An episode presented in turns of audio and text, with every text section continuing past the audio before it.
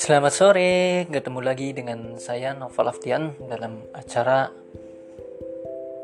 Mutiara Senja.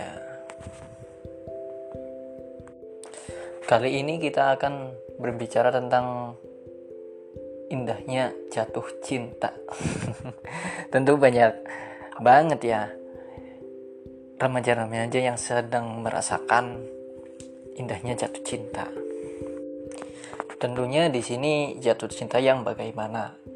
Dalam tanda kutip, dalam hal yang positif ya. Yang dilakukan bukan hal yang negatif.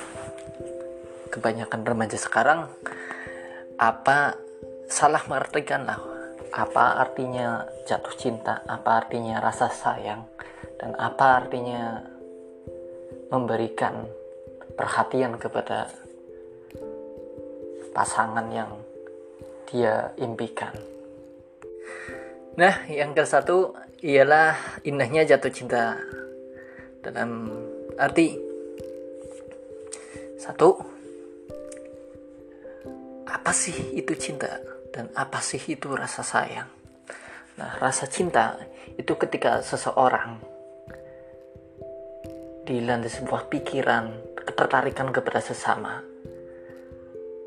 manusia insan dan pada lawan jenisnya terutama. Kepada lawan jenisnya yang perasaan itu timbul dengan sendirinya